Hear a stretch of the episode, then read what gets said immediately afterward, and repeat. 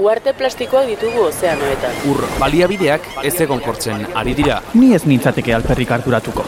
Fenomeno aislatuak dira. Bizioiturak eta herri egiturak aipatu izan dizkidate, zerikusirik balute bezala. Erleak kontserbatzeaz ere hitz egin didate. Baita ariztiak zaintziaz edo ezeguneak babestiaz ere. Eta ni, Nork babesten hauni. Mikroplastikoak elikadura katean sartu zaizkigu. Ez ez da perfektua. Bioanistasuna galtzeak atzera bueltarik gabeko ondorioak izan ditzake. Lasaitu zaitez, ez da inbesterako izango. energia erabilerari eta garraioari loturiko isuriak izugarriak dira. Ez du nik erabaki horrela izateri. Aro geologiko bat markatzeko adinako eragina izan dugu. Evoluzioaren aztarna, arro, egoteko modukoa benetan. Baliabideen erauzketak arrakala sozialak handitu ditu. Zer diozu? Nik ez dut alakorik egin. Eragindako inpaktuak direla eta muturreko fenomenoak ugaritu dira. Nire inguruan ez dut hori sumatu. Euri azidoa bertan da. Bizitzak aurrera darrai. Bai? Ziur, Gelditu makinak. gelditu makinak.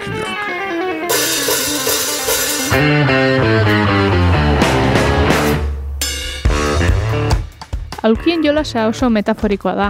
Musika martxan den bitartean dantzan zabiltza ezer pasako ezpalitz bezala, baina badakizu melodiatetean ipurdi baino eserleku gutxiago egongo direla, eta kosta ala kosta egin nahi duzu lekua batean. Esertzea lortzen duzun bitartean hor konpon gainerakoak. Klima aldaketak aulki ugari mugitzen ditu, baina kasualitatea beti berdintxuak gaude besteen eserlekuak nola galtzen diren begira. Migrazioa eta egoera ekosoziala estu lotuta daudelako irungo harrera sareko oiana galardirekin elkartu gara.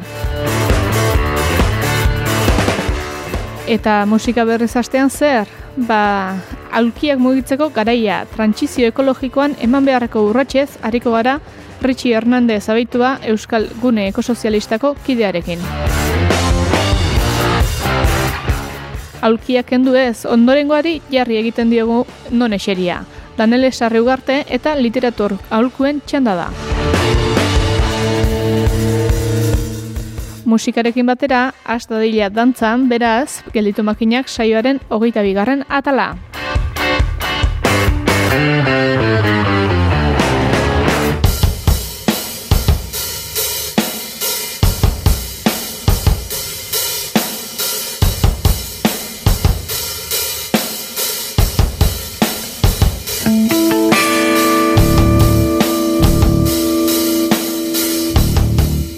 Migrazioa txoriekin alderatu izan da hauek bizi baldintzen bila mugitu ohi dira gurean ohikoenan negua pasatzera hegoaldera joatea. Klimaren eragina, aldaketa klimatikoa eta migrazioa elkarlotzen dituen kontzeptua sortu da migratzaile klimatikoak deritzona. Harrera sarreko, sareko kide den oiana galardi gonbidatu dugu gurera gaia lantzeko asmoz ongi etorri oiana. Bai, kaixo. Tira, e, migrazioan zuek baduzue zer esana eta zuen esperientziatik hitz egitea nahiko genuke, zer nolako arrazoiak egon daitezke migratzeko? O, zein dira ohikoenak zuen inguruan? Beno, azkenean, e, zintzuk diren oikoak edo, bueno, arraz, e, migratzeko arrazoiak e, amaika daude. Azkenean, e, kontsideratu daiteke denok garela migrazioaren sene alabak, e, norberak bere familiari begiratuta ziurrenik bizigaren e, herrian edo hirian ez ditugu hainbat generazio ere izango. Orduan, e, jendearen mugimendua e, zerbait naturala da, hori asteko eta hori oinarria da. Eta, eta gero ba, gure herrietan ikusi beharra dago ez, ba, mugimendu horiek zein inpaktu izan duten eta denok e, garela migrazio horren e, seme alabak. Orduan, ba, bueno, hori asteko, ba, ba, ba, ba, oinarri, oinarri bezala, ez? Gero, ba, bueno, e, gurean, e, hitz egitea migrazioa sorokorrean, gure esperientzian oinarrituta, ba, bueno, ba, ba, e, ezkara e, ezin dugu gure esperientziatik bakarrik horrelako e, errealidade baten irakurketa orokorra egin, ez? Baina, bueno, ba, pixka bat zentratzeko eta zein da gure errealidadea, ba, bueno, gu irungo mugan gaude, orduan, e, gure errealidadearen eguneko larogita piko handi bat da, e, Espainiar estatuan hegoaldeko kostetatik Zeuta, Melia edo eta Kanaria girletatik e, etorritako e, pertsonen, pertsonekin zerikusia harremana dauka. Hortaz, e, toki edo eskualde edo zonalde jakin batetako e, migratzaileekin dugu bereziki harreman zuzena. Baina hori izango litzateke migrazioa ulertuta, ez dakite, kopuru oso oso oso oso txiki bat, ezta? E, gurera iristen ari den jende gehiena, e, Afrikar kontinentetik dator, eta af, ez Afrikar kontinentearen osotasunetik, beriziki Ipar Afrika eta Mendebaldeko Afrikatik, naiz eta, ba, bueno, ez, ba, badaude kasu batzuek, puntualki aurkitzen ditugu, e, Afrikako beste zonaldeetatik, erdi aldetik edo inkluso baita ere ekialdetik etorri daitezken pertsonak edota baita ere kasu puntual batzuetan Asiako e, beste lurraldeetatik etorritakoak. Baina ein handi batean aurkitzen ari gara hori, ba Afrikako iparralde eta mendebaldeko e, jatorria daukaten pertsonekin. Migrazioaren gaineko ikuspegi desberdinak daudea, adibidez, e, orain gutxi aipatzen zen migrazio tasa handi bat Austriarra dela estatu batu tara dijoana, baina hori ez dugula migrazio gisa ulertzen guk bestelako migrazioaz ari garela azpimarratuta, badago asiloa eskatzeko konbentzio bat, Ginebrako konbentzioa deiturikoa, horri buruz e, zein dira bere nondik norako nagusiak? Beno, ba, pixka bat, e, ba, esaten zenuen ari ez? Ez dugu askotan begiratzen migrazioa zer eta, eta nola den. Eta, eta mm, gehienetan e, kontuan izaten dugunean migrazioa e, modu internazional batean e, kontuan izaten dugu. Hau da, herrialde batetik bestera migratzen duen jendea. Baina, bueno, errealidadea, migrazio, migrazioen errealidadea zabalagoa da eta suposatzen du bere bizitokitik orokorreko biziko bizitokitik beste nunbaitera desplazatzen diren pertsona horiek izan daitezke migranteak. Estatu logika batekin, atzo askotan migrazioa hitz egiten dugu, ba, hori ez, estatuen arteko e, migrazio internazional batez e, ari garenean, bale?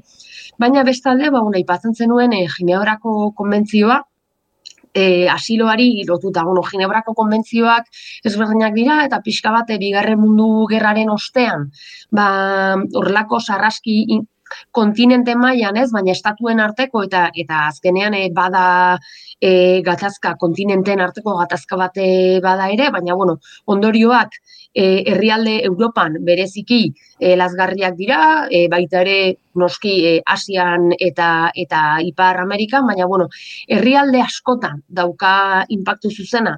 E, eriotz asko dira, pertsona asko dira eta pixka bat horrek e, suposatzen du e, jendearen e, babesean pentsatzea. Hau da, e, gatazka batean, e, zuzenean parte hartzen dut, ez duten, herritarrek herritarrengan badaude ondorio batzuek, ba, ba gerratan bereziki, bigarren mundu gerra aintzat harturik, eta orduan nola ze kontuan izan jendea babesteko. Eta pixka bat hori da hortik edo ateratzen da e, asiloa edo e, nazioarteko babesa izatearen ideia edo, edo eskubide hori pixka bat zertan datza, ba, e, pertsona bat be, bere oiko bizitokian, bere oiko herrialdean, e, bere biziarentzako arrisku bat suposatzen duen e, edozein arrazoik, emango lioke pertsona bati beste toki batean ba, besteko, ba, bestua izateko eskubidea. E, bai, e, konbentzio horretan, bai, zehazten direla, ba, arrazoie nagusi batzuek, ezta? Eta, ba, bueno, pixka bat jasotzen direnak dira, e, jendeak edo eskapo egiten duenean gatazketatik, e, ba, persekuzioak, terrorismoa dela, e, e, giza eskubiden aurkako ekintzak direnean, horrelako pixka bat e, sarraskien baitan edo, edo horrelako jazarpenen baitan edo, e, kontuan hartzen da bereziki e, e, asiloa. E, baina, bueno, esaten dizudan bezala, eh? nien naiz migraziotan eta asiloan aditua, e, azkenean gure ekintzan, e, e, irungarrera sarean, e, jaso, gure esperientziatik joan gera gure jakintza eraikitzen, e, aurre egoerei aurre egiten, e, pertsonei bide laguntza egiten eta pixka bat e, joan gera trebatzen modu modu honetan. Horregatik hori nik e, azpimarratu nahi dut, nien naiz aditua, baizik eta e, ba, azkeneko hiru urtetan ba, ba, ikasitakoaren ikasitakoaren baitan ba bueno, pues e, hitz egiten hitz egiten dudala eta eta hitz egiten dugula irungo sarearen baitan. Hortaz, e, gu aurkitzen ari garen e, jendearen baitan, e, gehienak e, pasea edo egiten du, eta paseko txoriak e, izena duen e, dokumental bat ere egin zuen e, Juan Migutierrez errenteriarrak e, pixka bat irungo harrera sareak e, egiten zuen e, ba, ba, balana kontatuz. Eta orduan, e, hemendik edo gurera itortzen denen jende gehienak pasean daude, ezta? Eta e, askotan, e, kontatzen dute zergatik ateratzen diran bere herrialdetik, baina ez dugu beti izaten denborarik e, hortaz aritzeko. Bai ordea, e, lehen esan dudan bezala, ba, bueno, e, irungo harrera sareak e, erakutsi digu, hainbat aurre egoerei aurre egiten, asiloaren baitan ere, joan gera jaiotzen edo trebatzen, ba, pertsona gutxi gutxi bazuek erabaki zutelako e, gurean gelditu eta gurean asiloa eskatzea. E, horregatik, ba, bueno, ba, ba, honekin e, ikasten, ikasten joan gara. Eta ikusi ditugu ba, arrazoi ezberdinak e, babesa eskatzeko. Hortaz, e, ikusi dugun edo konstatatu dugun beste realidade bat da, azkenean e, jendeak e, bere herrialdeetatik e, ospa egiten duela arrazoi ezberdinen gatik, ean ez delako bermatzen e, eskubide minimo batzuek e, ondo bizitzeko, eta horregatik e, eskapo egiten dutela. Baina, arrazoi hauek beti ez daude ez ditu kontuan hartzen e, Ginebrako konbentzio horiek. Hau da, e, e, zehaztuta dago, ez? Jazarpen bat egon behar duela eta azkenean e, pertsonek e, bere herrialdetik egiten dutenean e, badago jazarpen estruktural bat. E, ba, Ginebrako akordio horietan edo e, ba, ba, kontuan hartzen hartzen ez dena. Eta eta hori da errealitate bat, ez? Eta pixka bat e, zure sarreran e, e, esaten zenuenaren arira, ez? Eta pixka bat e, klima kontuan izanik, e, klima e, migraziorako arrazoi bezala ikusteak e, esan daiteke ia zerbait berria dela, ez? E, Ginebrako e, konbentzio horretara joatzen jotzen baldin badugu, e, ez dugu ikusiko klimaren gaineko aipamenik. E, etzan, e, e, etzan aurre ikusten e, klima izan daitekela gizakiarentzako bizi baldintza duinekin e, bere bizitokian aurrera egiteko jazarpen mota bat. Orduan, e, askotan, e, asiloa e, emateko e, baldintzak direnak edo kontutan hartzen diren e, indikadore edo irizpideak, ba, bueno, ba, nire ustez, ez dute beti, ez dira beti bat etortzen jendearen e, bere herrialdea usteko arrazoiekin. Zu zer horri irungo harrera sareko kide zarela aprobetsatuz, e, konta iguzu, zuek e, zer lan egiten duzue, nola egiten duzue lan? Beno, e, pixka bat e, guk e, kalean, tokian lan egiten dugu bereziki, e, harreman zuzen batean. E, migra, pertsona migratzaileekin harreman zuzen batean. Baina, ba, bueno, saiatu izan gara beti bi planotan lan egiten. Batetik, e, ikusita irunen bertan horrelako e, egoera bat gertatzen zela, non e, pertsona batzuen giza eskubideen urraketa nabarmen bat zegoen, ba, e, urraketa horien ar, e, aurrean, bi lan mota egin ditugu. Bata, e, asistentziala, e, humanitarioa, hau da, pertsona horiei, e, saiatu e, minimo batzuek e, bermatzen, hori izango litzateke e, lehenengo ekintza zuzena edo lehenengo arlo bat eta bigarrena e, izango litzateke e, hori e, aditzera ematea, horren berri ematea eta egoera horiek salatzea, ba e, erakundeek e, baliabideak e, jar ditzazten eta egoerari e, aurre egin diezaioten, ez? Eskartu izan dugu beti erakundeen e, konpromisoa e, giza eskubide urraketa horien baitan e, ekintza bat e, egontze din. Eta ekintza etzedin izan bakarrik e, iritarrena edo edo sarearen baitan parte hartzen genuna edo edo edozein e, pertsonarena mai individualean. Eta orduan horiek izan dira bereziki gure bi lan hilduak. Hirugarren bat izan da sentsibilizazioarena, ez? Eta orduan ba bueno, basi gara pixkanaka pixkanaka, eh itzaldi foro eta eta toki ezberdinetan ere parte hartzen egiten genuen lan hori e, bistaratzeko.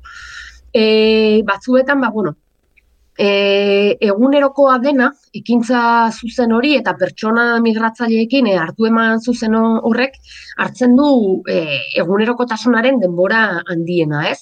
Eta eta orduan e, horri aurre egiten e, joaten gatzaizkio.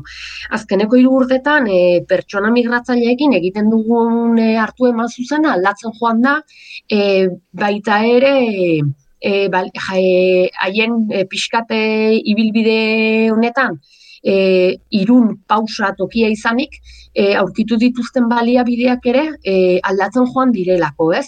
Hor bai egiten dugun irakurketa bada, ba, presio ezberdinak egin ditugula, eta orduan, ba, bueno, ba, erakundeak joan direla erreakzionatzen. Bai, egoerari aurre egiteko, eta baita ere, ba, ba gure exigentziei e, aurre egiteko. Hortaz, egun duela irurte baliabide baino duela irurte baino e, baliabide gehiago dago, baina gure ustez oraindik e, ez dira nahikoak, ez baita horrelako e, modu integral batean ba, aurre egiten e, ba, migratzaileen e, beharrari, edota e, ez, dite, ez daude irizpideak erabat, edo ba, badaude irizpide batzuek, baino emigratzaileen errealidadea ez du beti bat e, erakundek markatutako irizpide horiekin egiten, hortaz e, ez ditu emigratzaile horien e, beharrak e, asetzen. Hortaz, egunerokotasun horretan e, ari garenarekin izaten ari da bereziki e, bide laguntza bat ematen, ba, e, iruna, iristen diren pertsona migratzaileek ezagutu ditazten bere esku dauden baliabideak eta toki horietara iristeko e, laguntza ematen ari diegu, hau da, irungo geltokire iristen direnean, e, laguntzen diegu e, irunen dagoen aterpetxera iristarazten, ez dago inon ere markatuta eta eta oso zaila baita norbera bere kabuz toki horretara e, iristea, hortaz, e, laguntzen dugu jendea bertaraino iristen, bestetik ere e, gauden gune geografiko fisikoaren baitango informazioa, hau da, e, mugan gaudela, kokatu e, fisikoki eta geografikoki muga horretan, eta baita ere e, mugaren gaineko informazioa eman, ez? Ba, pixka bat e, ikusita, ba, e, Frantziar estatura iritsi nahi dutela, eta Frantziar estatuko ba, lehenengo toki segurua guazen esatera, ba, jona izan daitekeela, aterpea dagoelako, eta atxeden toki bat e, dagoelako, ba, bertara iristeko e, informazioa eta jartzen ditugu e, migratzaileen esku. E, arropa ere behar dutenean, ba, pertsona batzuek iristen direnean irunara, ez daude jantzirik ba, bertako klima edo, edo, edo egoerari aurre egiteko e, behar bezala, ez beti, eh, batzuetan, ba, e, ba, egoaldetik zuzenean etortzen diren pertsonak egun beraren baitan, e, ego, e, baldintza klimatiko ezberdinak aurkitu ditzazketelako, hortaz, saiatzen gera baita ere, ba, ba, egunerokotasun horretan, be, arropa, izan ditzazketen arropa beharrak edo asetzen. Orduan, hori da bereziki egunerokotasunean egiten den lanaren euneko handi handiena. Hala ere, esaten genuen bezala, ba, bueno, pertsona gutxi batzuek erabakitzen dute gurean gelditzea. Orduan, e, erabakitzen duten horiekin, eman izan zaie, ematen diegu bide laguntza, ba, asiloa eskatu nahi baldin badute, horren gaineko informazio apur bat eman, eta e, asiloa sarguratzen diren erakundeetara iristeko, e, poliziaren era joateko bertan egin behar baldin ba, baita lehenengo eskaera, eta baita ere, ba, bueno, ba, dokumentazioa biltzeko, momentu jakin batean, dokumentazioa e, bildu behar baldin bada, ba, horretan e, laguntzeko, e, be, asilo programetan sartu nahi baldin badute, edo eta honek esan nahi du, ba, bueno, ba, norberak pertsona batek eskatu dezake asiloa, eta asiloa izango litzateke horrelako ba, juridikoki e, ematen den babes bat, baina gertatzen baldin bada, e, juridikoki babesa behar izateaz gain e, pertsonak ez baldin modu beste baliabiderik eta baita ere e, bizi irauteko eta bizitzeko belabide gehiago baldin baditu, ba, badago e, programa batzuek non e, epe, babes hori eman diezaioketen e, pertsona asiloa eskatzen duten pertsonei, ez? Ba, etxe bizitza, elikadura, eta ba, orduan, ba, bueno, ba, horietara iristarazten e, laguntzen diegu, eta baita ere horietan sartu bitarte izan ditzazketen beharrak e, asetzen, e, saiatzen gera, ba, ba, ba, bueno, ez? Ba, ba, laguntza edo akompainamendu e, ekintza, ekintza baten bidez guazen esatera. Gatazka ekosozialak direla eta tartean klima aldaketa, zenbait bizitoki eraldatu eta migrazio areagotuko dela aurre ikusten da. Esate baterako ur mailaren igoerak lurralde ugari urpean utziko ditu, fenomeno klimatiko bortitzak izango dira, e, desertifikazioa, gu ere gara salguetxiak izango eta bide horretatik galdetu nahi nizuke, ea migrazioaren kudeaketan, zer nolako utxuneak, aurrerapenak, etorkizunelako proiektzioa edo antzematen duzun? Beno, ba, orain esan beharra dago, pixka bat datuak ikusten momentu honetan, e, 2008 urtera bitarteko datuak kontuan izanik, 2008 garren urtea izan da, emigrazio e, portzentai handien izan duen urtea. Historikoki ez datuak hartzen direnetik, e, ba, ba, e, errealidade hori da, e, errealidade edo datu horiek e, hori esaten digute, ezta? Bestalde, ba, bueno, e, geroz eta gehiago migradazioak dira edo antzematen ari dira e, gatazken gatik e, edo eta e, bai, bereziki gatazken gatik e, jendea mugiaraztea. Eta gatazka dio danean, da ez delako jazarpen pertsonalizatu bat, baizik eta zerbait kolektiboa. Gerrak izan edo e, ba, pixka bat e, aldaketa e, beraien bizitokiak e, aldaketak biodibertsitatean ekologikoki aldaketak izatea eta horrek jendea mugiaraztea e, ba, bizi leku aldatzera, ez? Aipatzen zenituen fenomen horiek, ba, bai desertifikazioa, uraren mailaren e, igotzea eta abar, e, baita ere, kontutan izan behar da, e, oza, direla, orokorrean e, gizakiok e, eraman dugun e, kontsumo eta eta produkzio eta planetarekin izan dugun harremanaren e, ondorio. Baina ez da ira bakarrik, e, ondorio horiek, edo behintzat nik ez ditut kontsideratzen bakarrik, e, ondorio horiek e, aldaketa klim, klimatikoaren ondorio bezala bakarrik, a ber, esan nahi dudana da e, gizakiok eraldatu dugu planeta eta ondori batzuk izaten ari dira, ez? E, egin ditugun ekintza batzuek, e, edo ba, ba, ozonoaren geruza dela eta, edo eta CO2-aren e, isurketa dela eta horrek eraldaketa batzuk izaten ari ditu, ez? Baina badaude beste ekintza e, ekonomiko batzuek gizakiak ere bai e, aurrera ematen ari dituenak, e, bereziki e, egoalde global pobretuago horretan, e, jarrera estraktibistagoak izan daitezkenak, eta horiek ere bai, e, e, ondorio jakinak izaten ari dituzte e, herrialde horietan.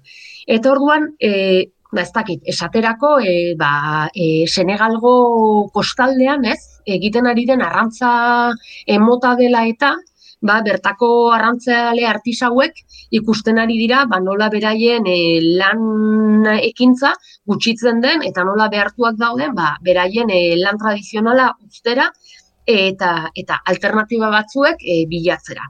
Orduan, hori ba, gian ez da uraren igoeraren ondorio bat, edo eta ez da ba, e, aize earen kalidadea txikitzearen ondorio bat, baina bada, ez, e, giza jarduera ekonomikoaren e, eragin zuzenak, e, ekologikoki izaten ari den inpaktu bat, eta horrek ere nola e, ba, ondorioak dituzten e, populazio horretan, ez? Orduan, guazen esatera, batetik daudela, ekintza estraktibista guztiak, e, herrialde hegoaldeko, ez, herrialde hegoalde global horretako herrialde pobretuetan non e, azpiegiturak kaskarragoak diren, eta horrek eragiten duen e, jendeak beraien bizitokitik e, mugitzera, ez? Askotan herrialde horien baitan, hiriburu handien baitan non azpiegiturak e, oraindik ere kaskarrak diren eta horrek ere bai badau baduen e, klimatikoki e, inpaktu bat Hau da, e, azpiegitura txikiak edo, edo desegokiak dauden e, hirietan jendea e, pilatzea, horrek ere bai, baditu e, inpaktu batzuek e, ingurumenean eta aldi berean e, pertsonen osasunean. Ba, oiana galdardi, eskerrik asko gurean parte hartzeagatik, eta sorterik onenago gizan mugimendua harintze lanetan, arrera sarean ez dezue lan bakala eta? Mil esker, ba, bueno, beti eskertzen da, ba, ba, ba lehio bat izatea, egiten duguna zitza egiteko, eta, bueno, eta kasu honetan, ba, ba baita ere gehiago e, hausnartzeko, eta, ba, bueno, ba, eskertzen dela e, ere, beti ere, ba, aukera hori izatea, eta, eta, bueno, eta pixka bat nire, ba, ikuspegi xumetik, ba, e, ba, ideia hauek, edo hausnarketa hauek, e, elkar banatzeko aukera.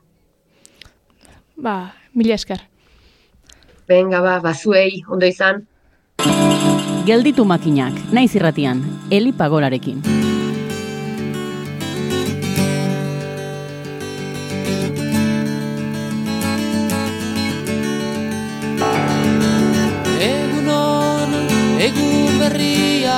Elburu bat izanagatik, hartaraino iristeko bidea egin egin behar da, eta planifikazio apur bat ez dator gaizki.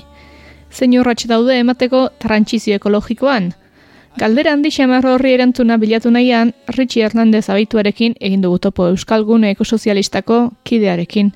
Ongi etorri, Richie? Bai, ongi etorri, kaixo, bai. Tira, e, balia bidez eta itzegin beharko da trantzizioa zitzegingo badugu, eta Aha. balia bide eskasirik baldago. Nora, nora antzuaz? Bai, bueno, e, gure ustez oso garbi dago aro aldaketa bat bizitzen ari garela momentu honetan. E, datu eta evidentzia zientifiko ugari daude adierazteko epoka aro baten amaieraren aurrean aurkitzen garela. E, zehatzago esan da, oparotasunaren arotik, orain arte izan duguna, baliabide ugari eta itxuran mugagabeak, mugak gero eta presenteago egongo diren arora. Eta hori gainera, eta hau importantea da, ekologikoki ondatuago eta euskorrago egongo den planeta batean gertatzen ari da. E, klima aldaketak eta beste zenbait gerta ere, badibidez biodibertsitatearen gainbera eta bar frogatzen duten bezala. Eta muga horiek, eta asko aipatuko dut nik e, muga hitza orain, muga horiek e, e, nabarmenak dira e, e, maila desberdinetan, adibidez, e, muga energetikoak. Erregai fosilen, hau da, petrolio, ikatza eta gaz, gazaren e, agortze progresibo baten aurrean aurkitzen gara. E, e, kontuan izan behar da, erregai fosilak sekulako txolio energetikoa izan, dutel, e, izan e, suposatzen dutela, ez deuke parekorik, e, naturak ekoizteko eta hori azpimarratu nahi dut, naturak ekoiz, ekoiztu ez guk e, milioika urte izan behar izan ditu, baina guk azken bi mendeotan sautu egin ditugu eta eskura gero eta gutxiago izango ditugu. E, adibide bezala, eta dagoz adibide asko, eh, baina ez luzatzearen, adibide bezala ba, oso azpimarregarria da e, petroleo konbentzionala, petroleo ona, e, petroleo honena, e, energia ugaria, merkea eta balio e, anistunaren iturria izan dena, ba, e, e, munduko energia agentziaren iturrien arabera, 2005-2006 urte horretan iritsi zela gailurrera, eta horrek esan gure dau, hortik aurrera, ateratzen dena, joango dela gutxika gutxika e, e, murrizten. Adibidez, ba, e, 2018ko txosten batean, energiaren nazioarteko agentziak berak aipatzen zeban, dato zehatza daukat, 2008 urte bitartera egunero ama, amairu milioi kupel gutxiago aterako izango direla. Eta hori gertatzen ari da petroleoarekin, gertatzen ari da ikatzarekin, e, zenbait tokitan gertatzen ari da gasarekin ere, eta gertatzen ari da uranioarekin e, batzuk aipatzen dutenean energia nuklearra, ba, uranio ere mugagabea ez da, eta e, gailurrera iristear da. Baina gero hortik aparte dagoz muga materialak ere. E, arlo horretan, ba, e, oso aditua dan, ez dakit, e, hemendik igual gitxeo ezagutzen da, baina emakume bat Zaragozako ikertzailea, e, universidadeko ikertzailea e, da, Alicia Valero, e, aurtengo elkarrizketa batean argi esaten zuen, 2000 amazortzian egindako asterlan batean, e, zehaztu zutenez esaten zuten seguruenik. Hornikauntza arazoak izango ditugula urrengo amarkadetan adibidez, zilarra, kadmio, kobaltoa, kromo, kobrea, galio, indioa, litio, magnesio, nikela, beruna, platinoa, teluroa, eta bar. Eta hori guztiak elektronikarako eta energia berriztagarrietarako funtsesko, metal, e, funtsesko metalak dira eta baita ere muga biologikoak gure arrantzaleak ondo dakiten bezala. Edo zenbait e, nekasarik ar, e, dakiten moduan. Eta amaitzeko badaude klima aldaketak berak markatzen dituen mugak. E, kontuan e, e, behar dugu, ba, dibidez, berotegi efektuko gazen isuriak e, IPCC delako erakunde, nazioarteko erakundeak argi esaten zuen, ba, askar eta eskala handian murriztu behar direla, espadogu bat koma gradu inguruko berotzetik pasatu nahi. Eta horrek esaten zuen, e, eta hor e, langa hori ez pasatzeko txosten batzuen arabera eta nahiko txosten fidagarriak dira, aipatzen dute munduko CO2 isurketak urtero euneko bost, euneko amarren artean murriztu behar direla hemendik 2000 hogeta amarrera. Ideia bat eukida igun, ba, adibidez, gure Euskal Herrira ekarrita, urkulua jurianean dagoenetik eta euren datoak e, kontuan hartuta, berotegi gazen emisioak murriztu, murrizteko erritmoa euneko 0, batekoa, baino ez da izan urtero eta ari naiz esaten euneko bost, euneko amar planteatzen ari direla. Eta, bueno, muga horiek guztiak e, gainera ez dira bakarrik etorkizuneko kontu bat, eske oraintxe bertan e, e, ondorioak oraintxe bertan pairatzen ari dira, ni naiz lusatuko, baina bakarrik aipatuko dut. Adibidez, e, ondorio bat dieselaren eskazia da, hori ez da askotan esaten, baina diesela egiteko oso e, dieselaren ekoizpenerako petroleo onak behar dira, ez petroleo okerrak, eta petroleo onaren eskaziaren ondorioz dieselaren produkzioa gutxitzen ari da, eta horrek adibidez itxasgarraioaren kostoa asko e, esto igo du. E, beste ondorio bada gazaren eta elektrizatatiaren prezioaren gorakada, eta gero gure badugu hitz egin aldu horretan eta beste ondorio bat ere da hain nabaria eh, gertatzen ari den hornidura katearen arazoak. Eta hori guztia dago oso erlazionatuta aipatu ditugun mugarekin. Egungo baliabideen eskasia aipatu duzu, baina baliabide horiek gaur egun erabiltzen direnak ezin aldira aldatu. Badaude aurrerapen teknologikoak ere hor daude. Ja, bueno, eh, a ver, hor eh, kao, eh, baliabiden eh, hor eh, nik uste otori dala apur bat eh, eh, mito bat, ez da? Hor eh, niri gustatuko litzaidake gauza bat komentatzea begiratu. Kapitalismoak eh, gauden sistema sozioekonomikoak ezin ditu mugak onartu askunde etengabea da bere adenearen sakon sakonean dagoena eta hori danok dakigun bezala lortzen ez duenean krisian sartzen da. Eta horregatik dena ba, askundearen izenean egiten da eta e, e, a, e, eta guk kontuan euki behar dugu askunde ekonomiko hori erabat lotuta dagoela energia eta materialaren kontsumo askundearekin eta hori eragindako impacto ekologikoarekin ere. Eta e, orduan e, normalean ba, zelan sistemaren adenean hori barne-barneko historia bat daen agentariek oroar mugen aurrean ez ikusiaren egiten dute.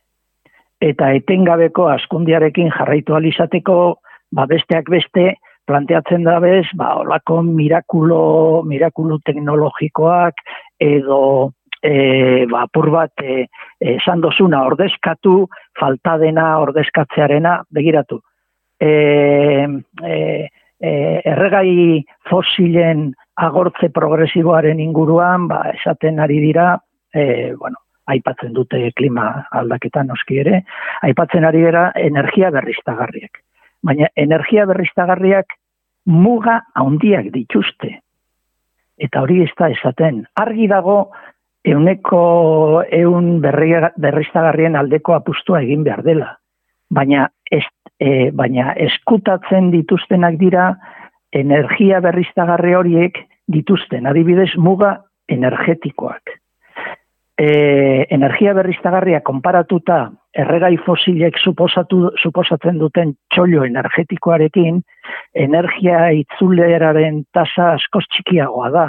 Eta egiten duten e, ikerla, ikertzaileek egin dituzten e, ikerketen arabera planteatzen da e, horiek agian orain konsumitzen denaren euneko hogeta mar berrogei bitarteko energia sor dezaketela gehienez, edo agian euneko berrogeta marra.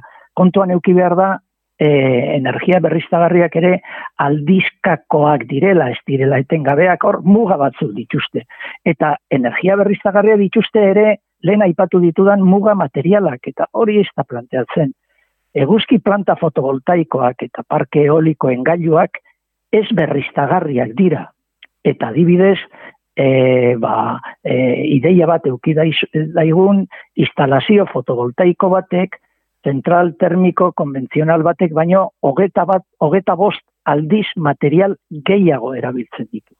Eta material horiek ez dira mugagabeak mugatuak dira lehen aipatu ditudan bezala eta gainera gehienak guk ez dauzkagu.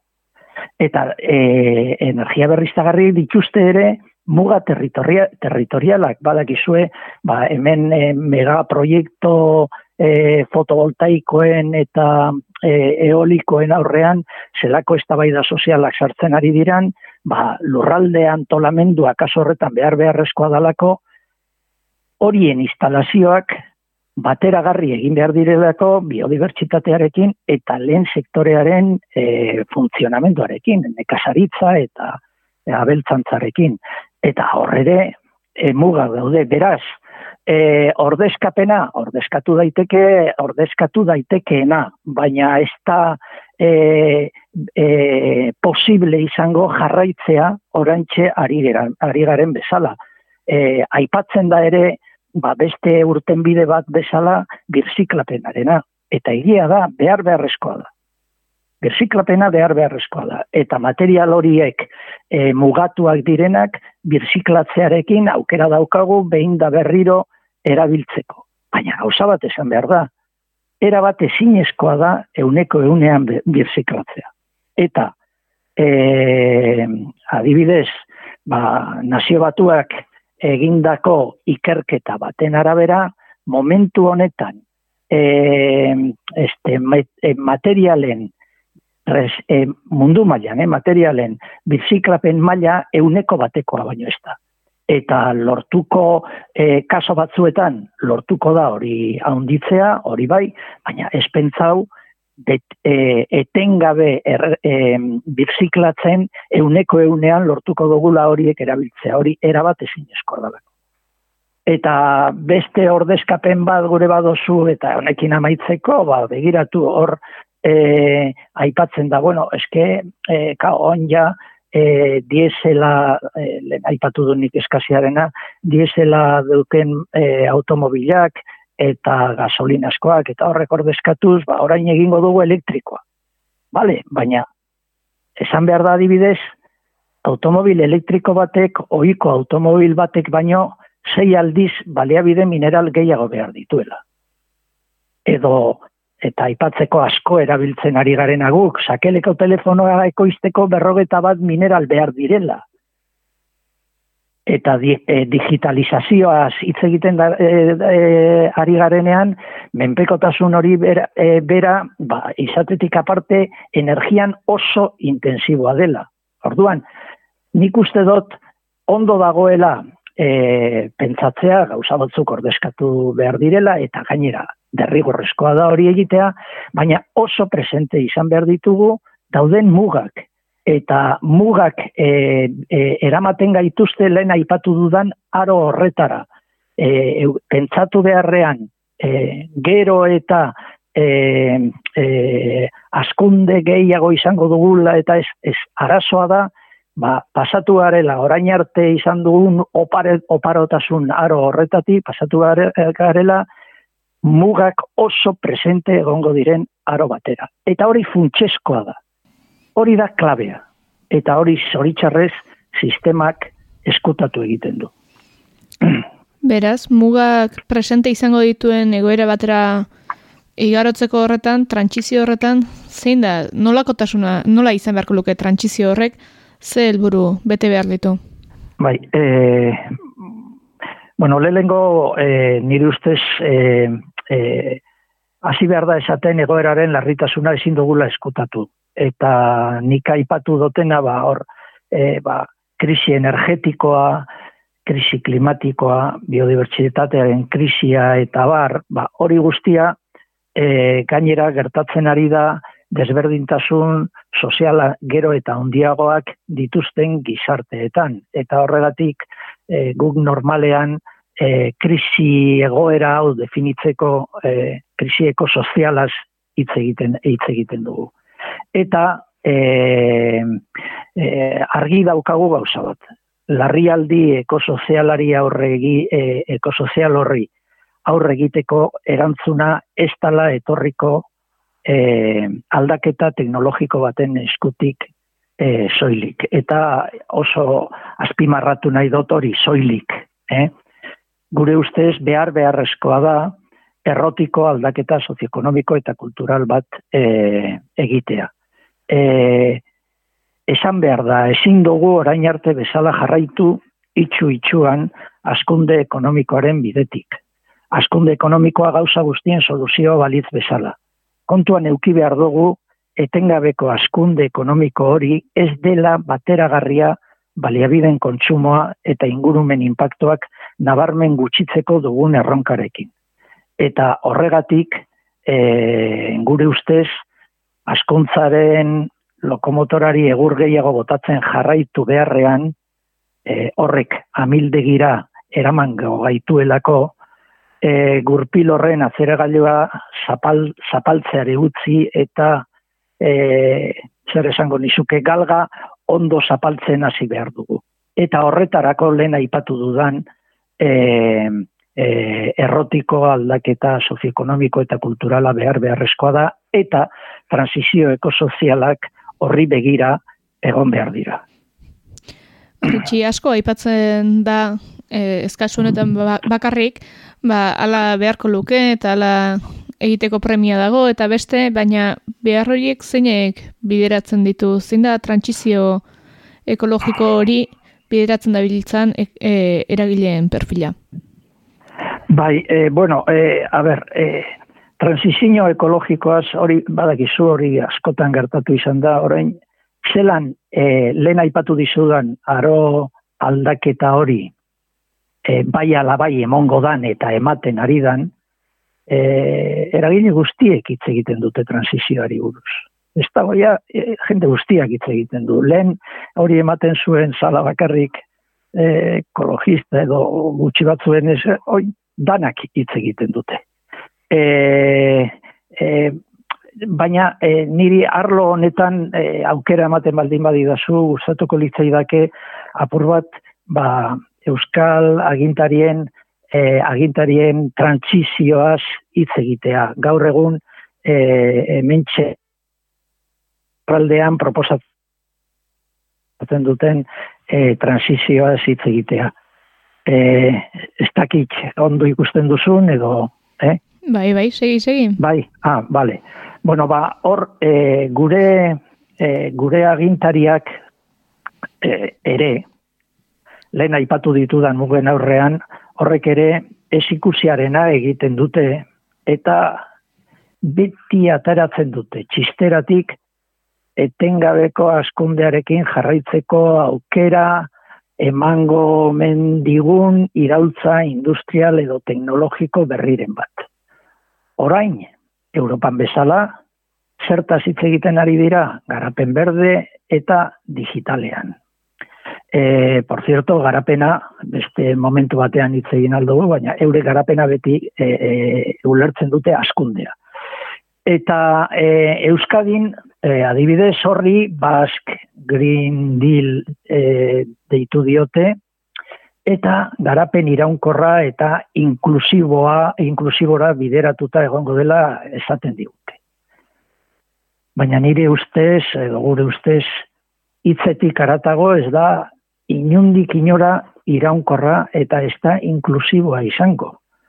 E, begiratu, gure agintariek bidezko garapen iraunkorraren aldeko benetako aurrera pausoak eman nahi izan ez gero, sekulako aukera izan zuten, COVID-19 osteko Euskal Herriko ekonomia ekologikoaren alde, izeneko e, Euskal Herriko e, unibertsitateko manifestuan aipatzen ziren lerro nagusiak jarraitu izan balituzte. Hor, e, Euskal Komunitate e, Zientifiko eta Akademikoaren e, talde handi batek e, e, planteatu zuen ba e, olako zeintzuk izan litezken ba horrelako bidezko garapen iraunkorraren bidetik aurre e, e, e, joateko zeintzuk izan litezken lerro nagusiak. Bueno, ba, gure agintariek horri uko egin erabat eta oikoa dan bezala, adibidez, Petronor eta Iberdolaren moduko bidelagunak aukeratu dituzte. E, eta argi dago gauza bat, urkullu eta tapia beti daude pres, enpresa horien buruekin argazkiak ataratzeko, baina inundik inora aipaturiko akademikoekin, edo energia lorrean sekulako lanona egiten ari den goiener moduko kooperatibarekin, edo ez daki finantza etikoetan aintzindaria den fiarekin, edo lan baldintzen duinen alde egiten ari diren sindikatuekin. Ez, Petronor eta e, e, eta Iberdrola dibidez. Baina Petronor eta Iberdrolaren enpresen lidergoaren eskutik garanpen iraunkor eta inklusiboa. Bueno, igual merezi dau denpora purbat baldin badaukat dato esanguratsu batzuk aipatzea e, Europako enpresa kutsatzaileen 2000 erregistroan jasotzen denez, e, gure erkidogoko enpresa kutsatzaileena Petronor izan zen. Eta beste datu bat. 2000 amarrean baino, karbono dioksido gehiago izuri zuen atmosferara 2000 emeretzean. Bueno, gainera, karbono monoksidoa, nitrogeno oksidoa, sufre oksidoa eta beste gai toksiko ugari sortu zituen ere. Hala ere, ba, esan bezala Eusko Jaurlaritzaren zat lehentasunezko bide laguna da. Eta e, ez dakit nolako garapen iraunkorra sustatuko du ez dakit zelan esan aseria olotegian sartuta. Momentuz dakigun gauza bakarra da e, hidrogenoaren euskal korridorearen izenean Petronorrek diru zaparra da bat jasoko duela. Baina Petronora esan bezala ilunetan ilunena izan arren EAJ PNV-ren alegina batez be, berdetzen laguntzea da. E, inglesez greenwashing esaten dabe, bueno, ingles ez dakit. E, baina, eta hori, ez da, e, hori ulertzeko nik batzuetan pentsatzen dut, e, zein, zein da horren arrazoi bat, agian ate birakariak badute horretan zer esanik. Ezaguna da adibidez, Josu Jon Nimaz, PNV-ko e, Euskadi Buru Batzarreko presidentziatik Petronorrekora joan sala. Igual ez ezaguna Javier Balza, barne zailburutzatik, Eusko Jarlaritzaren barne zailburutzatik, Petronorreko abokatuen buruetariko bat dela. Edo Amatiño, e, e, Euskadi Buru Batzarreko komunikazio arduraduna izatetik, Petronorreko e, komunikazio ardura, arduraduna izatera pasatu zela. Eta e, e, jarraitzeko adibidez, nolako garapen inklusiboa sustatuko, sustatu nahi dute Iberdrola bezalako enpresa baten eskutik.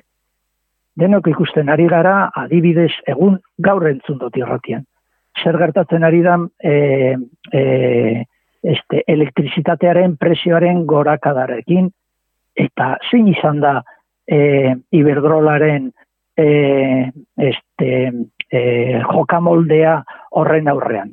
Berek eska izan da pobrezia energetikoa, edo egoera aprobetsatuz bere akzionisten etekinak handitzea aldan gehien e, nik uste dut e, berde eta digitales, iraunkor eta inklusibo hitz egiten dugun bitartean e, kontuan euki behar dugula gure eguntar, gure agintariek egunerokotasunean betiko betikora e, betiko betikoa jarraitzen dutela egiten. Etengabeko askundearen aldeko azere, azelera gaiutik oinal altxatu barik, adibidez, abiadura ondiko trenaren bezalek, bezalako aspigitura faraonikoak bultzatzen jarraitzen dute, eta adibidez, kontuan euki, esaten da igualoin, ba, e, osasun, mailako harretan, e, dirua sartzea, e, pues, diru publikoa mugatua dela. Bueno, ba, adibidez, e, Europako kontuen epaitegiak e, egin duen ikerketa batean, gure abiadura hondiko trenak kilometroko geta mazazpi milioi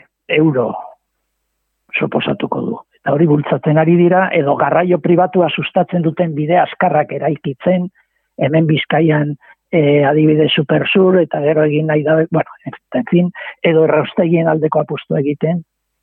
Hori da, benetan e, garapen inklusiboa eta iraunkorra sustatuko duen transizioa. Nire ustez, e, gauzak lehen aipatu dudan bezala, e, Euskal Herriko Unibertsitateatik e, planteatu zirenean hilo nagusi horiek horrek bai markatzen zituzten oso hildu interesgarriak benetan horrelako transizio e, transizio bat egiteko, baina gu ez goaz bide horretatik zoritzarrez. Ba, Ritxi Hernandez, abeitua Euskalgune Ekosozialistako kidea, mila esker, errepaso zabalau gurean egiteagatik. Bale, ba, eskerrak zuei deitziarren. Eli pagolarekin geldituko dituzu makinak naiz irratia. Etorri zen azken aldian, atxeden pixka bat emango geniola esan genion, baina ez dakita inbesterako tarterik izan duen. Hori berak esango du, gomendioen pilulen atalera dator Danele Sarriugarte, gaur ere, literatur proposamenarekin. Kaixo, Danele? Kaixo, ondo atxenen hartuta nago. Bai, bai. tozten naiz. Zer la gaur, eskuartean dakarkizuna? Ba, gaur e, liburu ilustratu bat ekarri dut, e, ainara azpiazu aspik egindakoa, basoan barna, du izena e, bueno, aspi ezagutuko duzu e, tira komikitirak egin dituelako, e, beste liburu asko ilustratu dituelako, muralak ere bai egin dituelako, baina kasu hontan be, estrenako aldiz liburu bat osorik berak idatzi eta eta ilustratu du, eta hori da pasoan barna. E, elkarrena eskutik argitaratu zuen liburua iaz, Eta, bueno, historia ez da oso, bueno, simplea da, eta itona iztari oi baten, eta gaur egun argazkilari den baten, eta iloba, bere iloba, besora joaten direneko bat kontatzen du. e, egun pasadoaz basora, baina basora iritsi bezain lastera itonari zerbait gertatuko zaio, eta eta bueno, bero, ikusiko ikusiko da zer gertatzen den, baina e, nolabait basoan barna bide bat egingo dugu guk protagonistarekin batera eta e, e, e, aspik berak esana ba, bertako animaliak ezagutzeko e, aukera bada, askotan ikuste ditugu dokumentalak urrutiko animaliak esatiko buruzkoak eta horrengoan ba, bueno, gure inguruan dauden animaliak ezagutzeko aukera bat e, eskaintzen du eta eta bueno, ba, niri horretarako bali izan didanez, ba, zuei ere gomendatzen dizuet. Ni da, mila esker lanele, zerrendara beste liburu ilustratu bat gehitzeagatik. Ez da, oarkabean pasako noski. Ziur Bereak eman da, agurra esango diogu hogeita bigarren atalari. Lastra arte entzule. Arkua prestatu behar baduzu gogorra Gelditu makina.